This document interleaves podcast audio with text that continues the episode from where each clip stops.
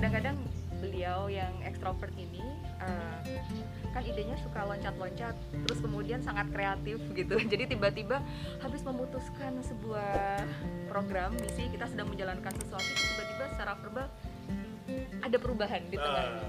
sampai kita harus ingetin pak maaf boleh minta tertulisnya pak buat pegangan. Jadi seperti itu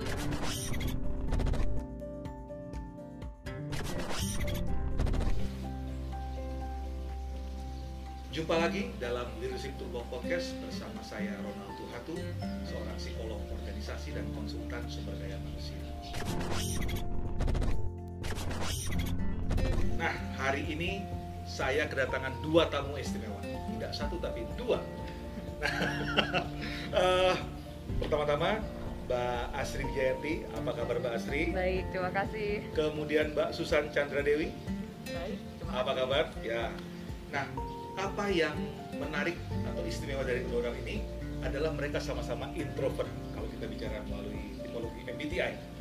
Nah, hari ini kita akan mencoba berbicara tentang perbedaan antara introvert dan extrovert secara lebih kasuistik. Karena banyak yang mengatakan bahwa kalau orang introvert tuh nggak bisa berbicara atau pendiam orangnya. Nah, kalau orang extrovert seperti saya ini kerjaannya bicara terus ya. Ternyata itu tidak tidak sepenuhnya benar. Kalau kita lihat definisi yang yang sebenarnya tentang introvert adalah orang yang introvert itu adalah orang yang uh, lebih memfokuskan pada energi dari dalam dirinya dan proses berpikirnya adalah secara internal. Nah itu adalah definisi utama tentang uh, orang introvert.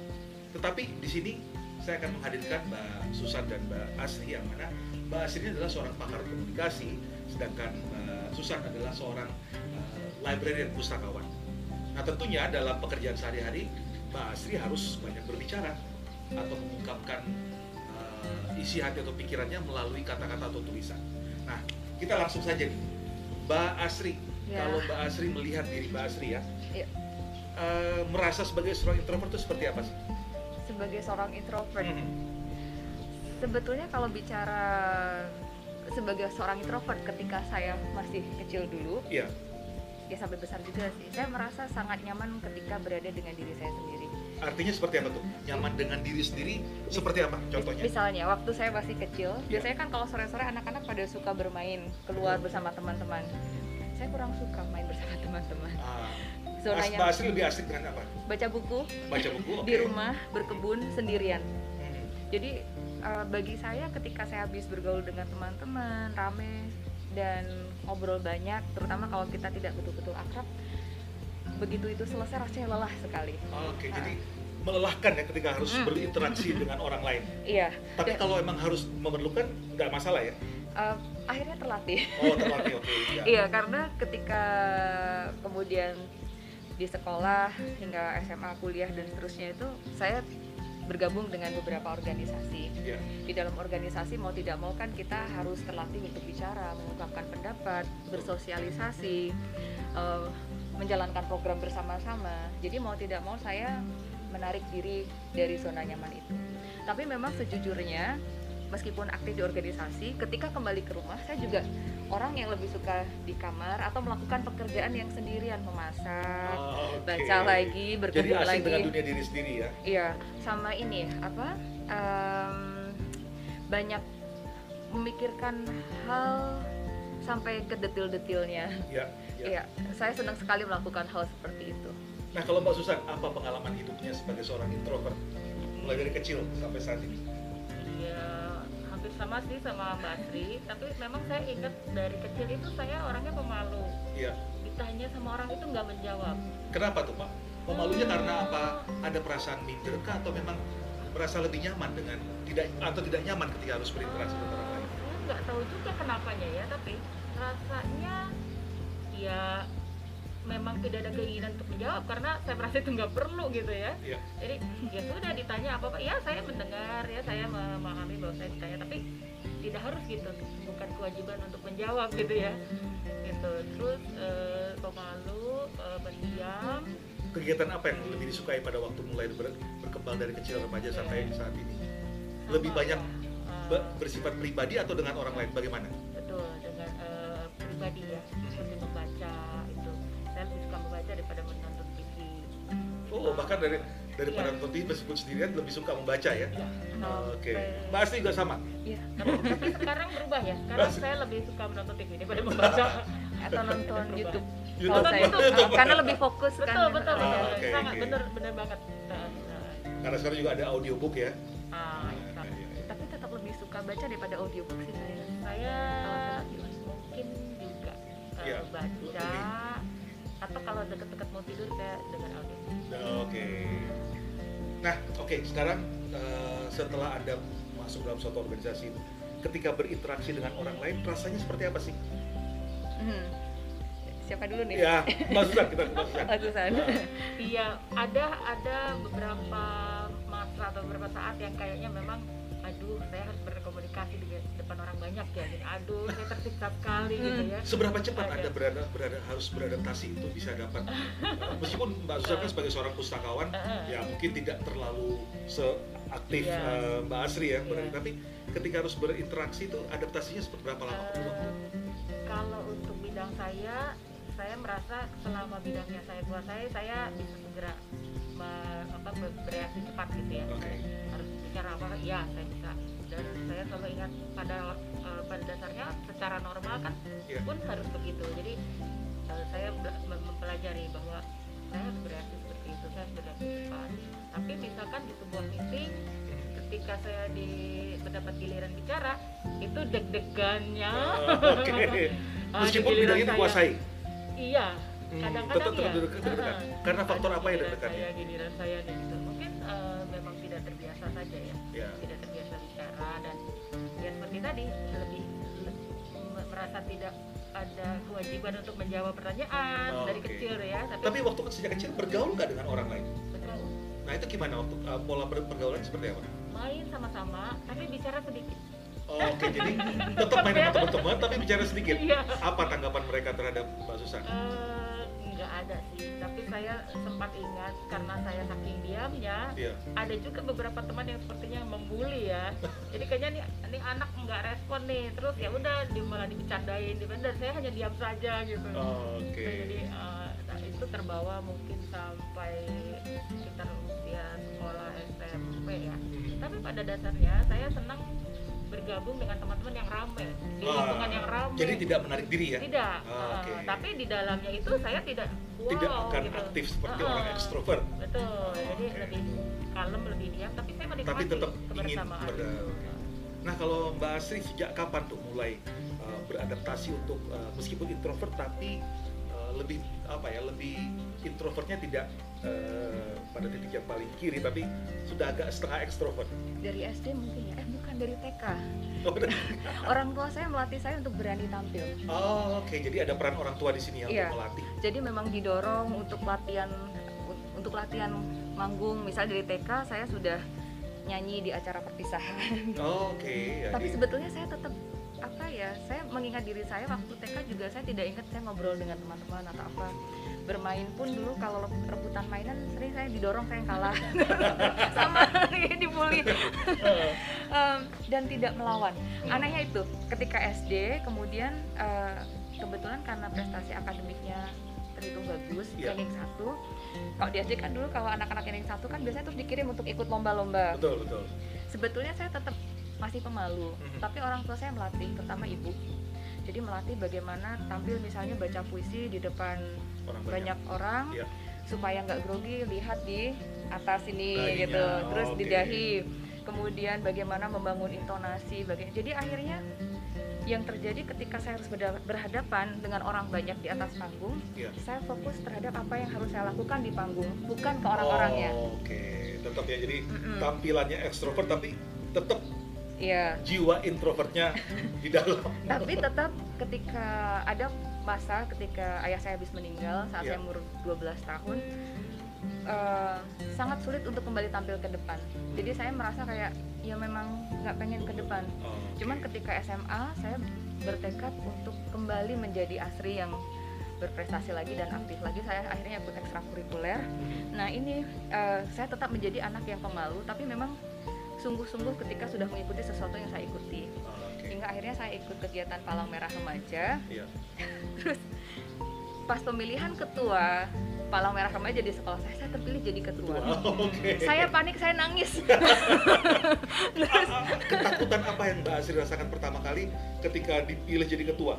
Apa yang menakutkan? Takut nggak bisa, takut Nggak takut bisa apanya? takut tidak cukup pantas karena saya kan backgroundnya meskipun SD cukup aktif kemudian udah rajin ikut lomba SMP ketika bap bapak habis meninggal kan betul-betul nggak aktif nah orang yang juga maju di pemilihan uh, calon ketua PMR itu Ya. adalah orang yang SMP-nya dia sudah aktif berprestasi Ah, Oke. kalau ngomong berani banget di depan orang saya masih di depan orang kembali lagi kayak teriset untuk aku harus ngomong apa aku harus gimana grogi banget betul betul terus akhirnya untung saya punya pelatih PMR Ya. yang waktu itu beliau mahasiswa komunikasi Hmm. dan juga humas untuk PMI Kota Semarang Ya.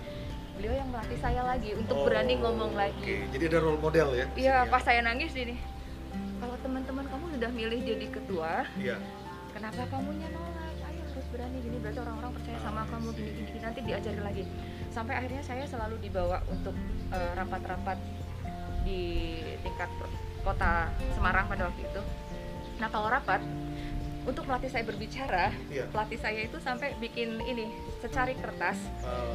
dia akan nulisin pertanyaan Astri tanya Oh, jadi latihan ya, benar-benar uh, Mbak Asri di coach ya oleh oleh Pelatih saya. pelatih ini dan uh, diberikan masukan cara sampai diberikan kalimat tertentu untuk mulai beradaptasi. diberikan pertanyaan Pertanyaan exactly ya. yang harus dibacakan jadi harus latihan saya Asri Wijayanti dari PMR SMA 2 Semarang pertanyaan saya adalah gini-gini jadi dilatih betul-betul memang Ada didorong proses pelatihan. iya tapi akhirnya karena melihat beliau yang eh, bekerja di bidang humas dan waktu itu juga jadi jurnalis freelance di eh, media lokal di sana saya melihat oh dunia komunikasi tampaknya menarik ya. Saya akhirnya eh, jadi punya mimpi untuk bekerja di bidang komunikasi lagi. Ya, ya. hingga akhirnya lama-lama ya terbiasa terlatih waktu kuliah uh, bergabung dengan radio kampus pada waktu itu. Kemudian uh, organisasi mahasiswa juga. Kalau yang di radio ini kadang-kadang orang kan berpikir introvert masa sih bisa ngomong? Menurut saya Iya. justru kalau kita siaran radio itu nyaman sekali. Ah, karena kita cuma menghadapi nggak- mikrofon. Harus di, bukan Iya. orang ya. menurut saya itu adalah pekerjaan yang cocok untuk seorang introvert Oke, betul betul. apalagi kalau kita mau siaran dalam kita- ruangan tersendiri lagi ya. betul menyiapkan naskah Ya siaran kan, gitu. Mbak, apa kalau baca kan nggak kelihatan kan Iya. oleh pendengar ya. dan, ya. dan ternyata di buku Quiet itu yang uh, membahas tentang uh, introversion orang-orang yang introvert ternyata memang banyak orang yang Broadcaster yang baik ya. banyak broadcaster yang introvert ternyata terus saya merasa oh iya ya Jadi ada unsur belajar ya. Dan tadi Mbak Susan mulai uh, sebenarnya nyaman dengan orang, tidak menarik diri, tetapi tidak aktif di dalam lingkungan itu. tidak seaktif orang ekstrovert. Baik. Nah, uh, sekarang kita maju ke depan. Kalau Mbak Asri, uh, apa pengalaman pertama ketika harus atau pengalaman yang paling diingat ketika mengalami kesulitan uh, karena gaya Mbak Asri yang introvert dan berhadapan dengan orang yang berbeda gaya? Eh, mungkin karena sejak kecil dan SMA itu saya juga sudah terlatih untuk menjadi introvert di luar Ya. Eh, sepertinya ti- belum pernah ada masalah di mana saya tidak berhasil menyampaikan apa yang saya maksud dan apa yang saya inginkan. Betul. Sekali lagi karena didikan orang tua saya, ibu terutama untuk menyampaikan segala sesuatu dengan detail. Kalau mau ngomong harus dicatat. Itu Iya. selalu ibu saya ngajarin seperti itu. Jadi eh, kemudian waktu SMA di coach sama pelatih saya ikut rapat mempunyai catatan dan seterusnya. Ya. Uh, sehingga ketika akhirnya di dunia kerja pun saya juga sudah terbiasa untuk seperti itu Uh, apalagi juga sudah siaran di radio kampus jadi untuk menyampaikan apa yang ingin saya sampaikan secara detail kebetulan belum pernah ada masalah Ya, ya. Kalau untuk Hmm. memahami orang lain yang berbeda gaya, karena mungkin saya berada di dua spektrum mungkin juga tidak ada masalah untuk memahami cuma memang eh, masalah yang pernah muncul kalau saya ingat lagi adalah ketika akhirnya saya menjadi supervisor ya.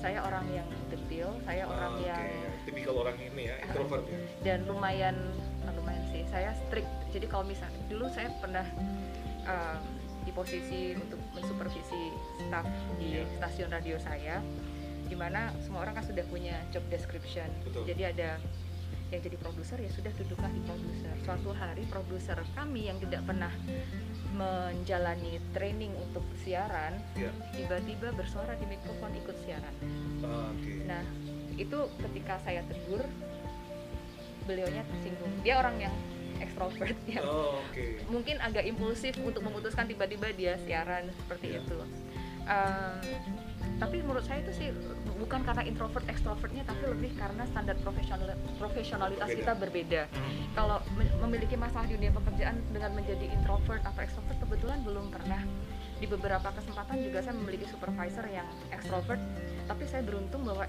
ex, uh, supervisor extrovert saya itu adalah orang yang sudah berilmu, punya pemahaman yang dalam tentang bidang pekerjaan kami, yeah. sehingga ketika beliau bicara uh, berpikir sambil berbicara, yeah. yang keluar ya udah dengan knowledge yang uh. sangat mumpuni begitu. Jadi ya meskipun kadang-kadang meledak, nah, nah, nah, terus oh ya, terus kadang-kadang oh jadi kita laksanakan mau nggak ini? Ntar pak. Oh, jadi diskusinya tuh memang tipikal orang ekstrovert lah di, berbicara ketika berdiskusi berbicara itu udah merupakan proses iya. untuk ini ya. Nah bagusnya itu anda merasa uh, berisik atau enggak sih? Seru sih. Okay. uh, apalagi kalau yang atasan saya yang saya ingat ini, jadi beliau juga ketika sambil berbicara beliau selalu nulis. Oh, okay. Jadi kalau meeting brainstormingnya langsung ya brainstormingnya langsung oh tapi yang melelahkan bagi saya meetingnya bisa lama sekali karena idenya lompat lompat lompat lompat ke mana-mana ah. terus jadi pak welcome to the extrovert world iya, tapi itu bagi saya seru menarik karena uh, banyak ide bagus yang keluar yang mungkin bisa diaplikasikan di tempat lain atau di program yang lain. Kalau masalah ada sih mungkin uh, ya suatu tadi sempat cerita ya akhirnya jadi ingat um, ketika di sebuah uh, kegiatan saya dulu bekerja di bidang penanggulangan bencana yeah.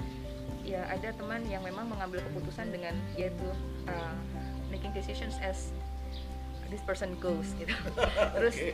kemudian uh, saya cuma mengingatkan dia orangnya marah impulsif langsung pergi di tempat begitu saja. Jadi ada ada. Um, orang ekstrovert tuh punya kecenderungan seperti itu. Dan orang introvert kadang-kadang kalau memang sudah kepepet untuk menyampaikan apa yang disampaikan hmm. uh, kayaknya mungkin bisa menyinggung yang ekstrovert ini ya, ya jadi ya, mungkin itu kejadian kedua saya yang di mana saya menyampaikan apa yang semestinya perlu dilakukan kemudian rekan ekstrovert saya tersinggung. Nah sekarang mbak Susan pernah nggak punya pengalaman ketika harus menghadapi perbedaan gaya tersebut dan berdampak kepada uh, kerjaannya? Oke, mungkin kalau gaya ya biasanya yang hmm. suka membuat uh, mungkin ada kita sedikit salah paham atau konflik ya. Yeah. Iya. Uh, kalau saya kan misalkan mempunyai rencana atau apa tuh biasanya sudah di planning dulu gitu sebelumnya sampai detail sudah dilihat gitu. ya tipikal oh, gitu. orang-orang ini ya tapi, introvert uh, uh, tapi uh, mungkin kekurangan saya adalah tidak bisa menyampaikan secara detail semuanya disampaikan karena saya mengharapnya ya cukuplah ini seperti ini lalu harapan saya dia sudah mengerti gitu dengan apa yang saya ini uh, bosnya tipe-tipe tipe apa bosnya kira-kira uh, saya saya lihat sih dia tidak introvert ya. Okay. ada juga yang introvert uh. tapi yang tidak introvert itu justru sepertinya menunggu-nunggu gitu. Hmm. saya ini mau ngomong apa nih gitu. Sementara saya sendiri oh, menunggu. dia cenderung me mendapatkan laporan secara verbal ya, gitu ya? begitu. Nah sementara saya lebih ke dalam bentuk tulisan atau juga saya sebetulnya punya sesuatu yang bisa sampaikan secara verbal tapi saya tetap memerlukan apa ya detailnya secara tertulis uh, ya? bukan seperti saya inginnya diundang untuk saya bisa menyampaikan oh, itu okay. gitu. Dan saya selalu menunggu uh, konfirmasi bahwa ya diterima gitu. Uh, apa uh, planning kamu atau rencana kamu. Nah itu tuh kadang-kadang ada bos yang tidak mengkonfirmasi seperti itu dan sudah mengharapkan bahwa ya sudah tinggal jalankan saja ya. Itu kan bagi saya ini boleh nggak sih sebetulnya ini? Nggak ada pegangannya kan? gitu. Mungkin pernah ngalamin nih kayak gini juga. yeah, yeah, yeah. ada juga ya. Ada. Gimana kalau dia? Uh, iya kadang-kadang beliau yang ekstrovert ini uh, kan idenya suka loncat-loncat terus kemudian sangat kreatif gitu jadi tiba-tiba habis memutuskan sebuah program misi kita sedang menjalankan sesuatu tiba-tiba secara verbal ada perubahan di tengah uh. sampai kita harus ingetin maaf boleh minta tertulisnya pak buat pegangan. Jadi seperti itu. Kadang kadang-kadang juga lelahnya karena ya, banyak perubahan-perubahan ya, di tidak pasti ya untuk kita. Uh, uh, di tengah jalan. Ya, jadi kalau kalau misalnya ada sebuah instruksi kita akhirnya jadi terbiasa. Berubah lagi nggak nih kira-kira ya, di tengah gitu? Ya. Jadi menunggu kira-kira nih wah ini kayaknya nanti pasti ada perubahan. Dalam arti ini belum fix 100%. Sama harus dijalankan sampai seberapa persen dulu. Takutnya kita sudah jalan dengan rencana itu tiba-tiba terus nanti berubah total mengulang lagi. Ya, mengulang itu, itu yang saya pernah rasakan sama pimpinan yang ya, extrovert, ya, ya. mungkin. Karena mereka dinamis ya karena mereka berpikir ya, secara betul juga iya. Pernah juga merasakan hal yang sama sehingga merasa insecure ya. ya. Ini saya mengumpulkan apa karena uh, kok berubah di tengah-tengah lalu kenapa yang kemarin itu tapi saya juga tidak berani menanyakan nah, ah, bagaimana gitu. antisipasinya kalau Pak Suzan nggak berani itu mungkin hmm. culture di organisasi tersebut ya hmm. tapi kalau dalam situasi seperti itu kira-kira apa yang terpikirkan oleh orang introvert menghadapi orang extrovert ini kan introvert nih saya extrovert. Sebetulnya kalau di kepala sih secara ya harusnya kan saya menanyakan saja gitu kan yeah. konfirmasinya. Tapi ada beberapa hambatan yang mungkin tidak terlatih aja ya. Yeah, yeah, tidak yeah. terlatih padahal tahu gitu. Ini kalau pengen tahu jawaban pastinya ya tanya saja gitu. Yeah. tapi mungkin ada juga beberapa pengalaman sehingga saya tidak berani bertanya ya. Mungkin ada juga mungkin dari diri sendiri dari dalam diri takut terlihat kok kayak gitu aja nggak ngerti? Nah takut bertanya lebih lanjut itu yeah. mungkin saja. Ada kalau di organisasi saya kebetulan karena mungkin lebih cair daripada organisasinya Mbak Susan kita terbiasa tanya Pak nanti berubah lagi nggak Pak? Tersinggung nggak tuh atasannya enggak. Oh itu saya belum tahu. langsung langsung. Itu bagus tuh. berantisipasi dia, bahwa dia, akan berubah ya. Dia seperti mendapat ini ya mendapat tantangan. Pak ini boleh masih bisa bro sepertinya uh, timnya sudah mengantisipasi iya. bahwa dia dinamis dia masih nanti berpikir secara terbuka dan nanti akan ada uh, kesempatan untuk berubah. Kadang-kadang capek tapi hari kadang-kadang kalau lagi nggak capek ya kita ketawa gitu. Tapi akhirnya ngingetin gitu um, Pak nanti ada perubahan lagi nggak Pak kira-kira? Pak tolong uh, emailnya ke mana? Oh ya ya ya ya ya nanti ingetin saya ya. Ya nah, seperti itu ya tadi Enak tuh saya mau tanya itu. yang uh, jadi mau tanya bah, bagaimana tuh cara meng mengantisipasinya tadi dengan bertanya langsung kepada yang bersangkutan iya. uh, mengirimkan email minta konfirmasi. Dan tadi Mbak Asri katakan jangan tunggu sampai proyek sudah mau berakhir baru tapi sejak awal-awal dikonfirmasi ulang ya. Supaya menghindari sudah kerja 80% harus ngulang dari nol kan sayang ya. tapi tidak ada jaminan juga sih. Perubahan bisa terjadi kapan saja. Kapan saja. Oh yang bikin lelah juga ini um, revisi bisa berulang-ulang ya. dengan tipe atasan yang seperti itu jadi misalnya di ide awal akan bikin gini gini gini gini kemudian kita bikin oh ya kok nggak sebagus yang saya pikir kemarin ya itu revisi bisa berulang-ulang-ulang meeting bisa lama sekali dan kapan akan mencapai titik final kalau kalau uh, sudah mepet deadline. Oke. Okay. Akhirnya mau nggak mau harus difinalisasi. Gitu juga nggak sih? ada ada. ada yang gitu. Kalau udah dekat deadline ya, ya udahlah ini lah. Tapi tetap ketika mendekati deadline itu biasanya kita sampai titik darah penghabisan banget ya sampai jam berapa ya kita belum pulang. Ya nah, jadi para itu. bos ekstrovert ya para bos ekstrovert ini adalah curhat curahan hati. Tapi ada yang introvert. Sisi baiknya juga banyak seru betul seru punya apa sisi baiknya kalau mbak Astri lihat? Sisi baiknya alive alive ya. Uh, uh, apa ya? apalagi? Ya kayak sunshine in the room gitu. Yang kalau melihat beliau karismatik ya biasanya karismatik ya, ya. karismatik okay. yang ketika beliau bicara atau speech atau apa orang pasti wow gitu apalagi kalau memang orangnya cerdas ya, dan punya banyak referensi yang sudah ada di kepala di pikiran dan pengalaman beliau gitu jadi uh, banyak yang akhirnya menjadi semacam inspiring leaders ya kalau ya, saya lihat ya. ya. Nah, jadi teman-teman, teman-teman introvert ya, jangan khawatir bahwa uh, introvert itu bukan orang pendiam dan introvert tidak bisa bekerja dalam bidang yang komunikasi, bahasa komunikasi bertemu dengan orang, tapi dengan latihan ya, kita memahami gaya yang lain. Nah untuk para ekstrovert nih, para bos ekstrovert terutama, pahami pahami anak buah anda ya Eh, dan ternyata deadline itu akan menjadi uh, suatu jangkar yang bisa membantu uh, mereka untuk mendapatkan oh ya inilah titik akhirnya. Nah, jadi sebenarnya yang penting adalah saling memahami ya. Jadi kita untuk mengurangi stigma ataupun uh, labeling bahwa uh, introvert adalah pendiam dan extrovert adalah uh, banyak bicara. Kita tidak terlihat pendiam juga kan itu ya kan? kalau kita pendiam mungkin ketika kita harus small talks dengan orang yang kita tidak nyaman. Tapi Betul, karena kita dengan Mas Ronald saya ya. dengan Mbak Susan kan juga berteman baik ya, kita itu nyaman. juga.